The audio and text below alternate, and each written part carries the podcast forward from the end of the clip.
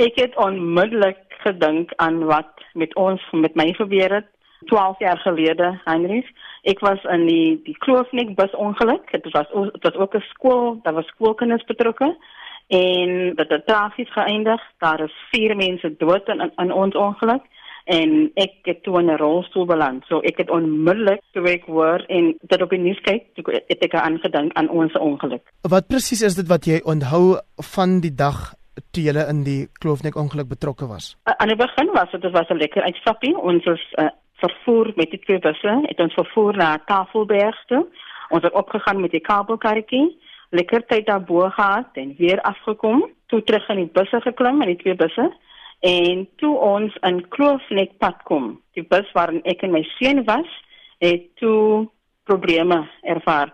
Vir ons het dit gelyk asof die busbestuurder het 'n probleem met sy remme wanneer hy het later uitgeroep op sy CB radio um no brakes, no brakes, I've got no brakes. En hy het maar net te hard probeer om die bus om beheer te hou oor die bus, maar hy het toe later beheer verloor en ons het toe verongeluk. Hoe het jy die trauma van die ervaring en die feit dat jy vandag in 'n reistool is verwerk? Kyk, dit was moeilik aan die begin natuurlik. Ek moes gewoond raak aan 'n veranderende veranderde lewe. My leefstyl het heeltemal omswaai geneem dit was emosioneel, dit was fisies. Um ek moes die trauma werk en dit was ek het 'n paadjie geloop. En aan die begin was dit bietjie moeilik, wat baie gehelp het natuurlik as my man het my baie bygestaan en familie en vriende, maar ek het 'n lang paadjie geloop voor ek by die punt gekom het waar ek dit nou heeltemal verwerk het. Wat doen jy vandag om jou ervaring met ander mense spesifiek ander ouers van skoolkinders te deel? Die goeie ding van hierdie hele ervaring vir my was dat ek het aspekte van myself ontdek en ek is nou 'n motiveringsspreker. So wat ek nou doen is ek deel met mense hoe ek hierdie tragiese gebeurtenis verwerk het en hoe ek dit nou gebruik om my lewe eintlik op 'n ander manier uit te leef.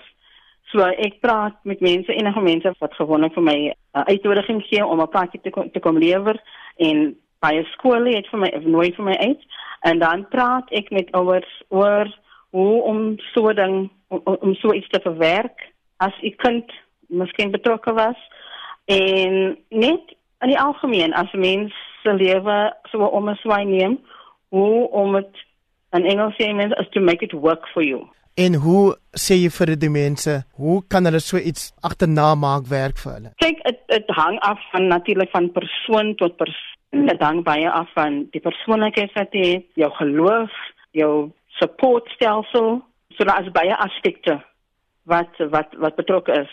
Maar wat ek vir persone sê is dat wat ek kom besef het op daardie oomblik lyk alles is negatief, nê, en en dit lyk niks goed nie. Maar met elke negatiewe aspek van 'n ding is daar ook 'n positiewe aspek. En baie keer sien ons nie 'n positiewe aspek nie. Ek het 'n paadjie eers loop voor ek by daai punt uitgekom het waar ek die positiewe aspekte kon sien.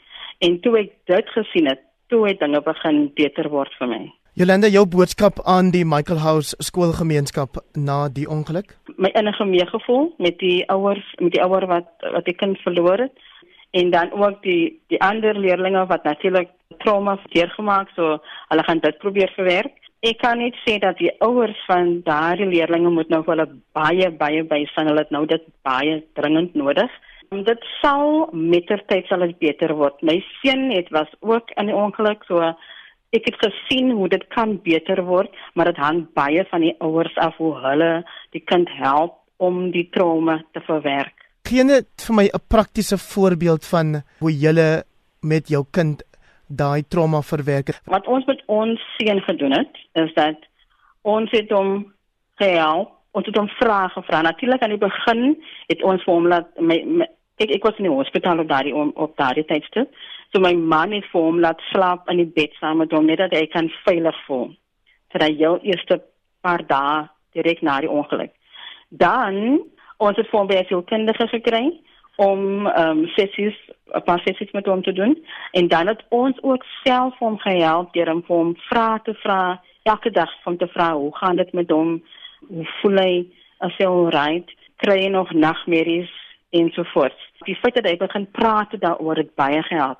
Natuurlik ons moes vir hom vra, vra, ons moes hom gedurig vra, vra en hom elke dag vra of hy alright is en hoe hy geslaap gisterand ensovoorts.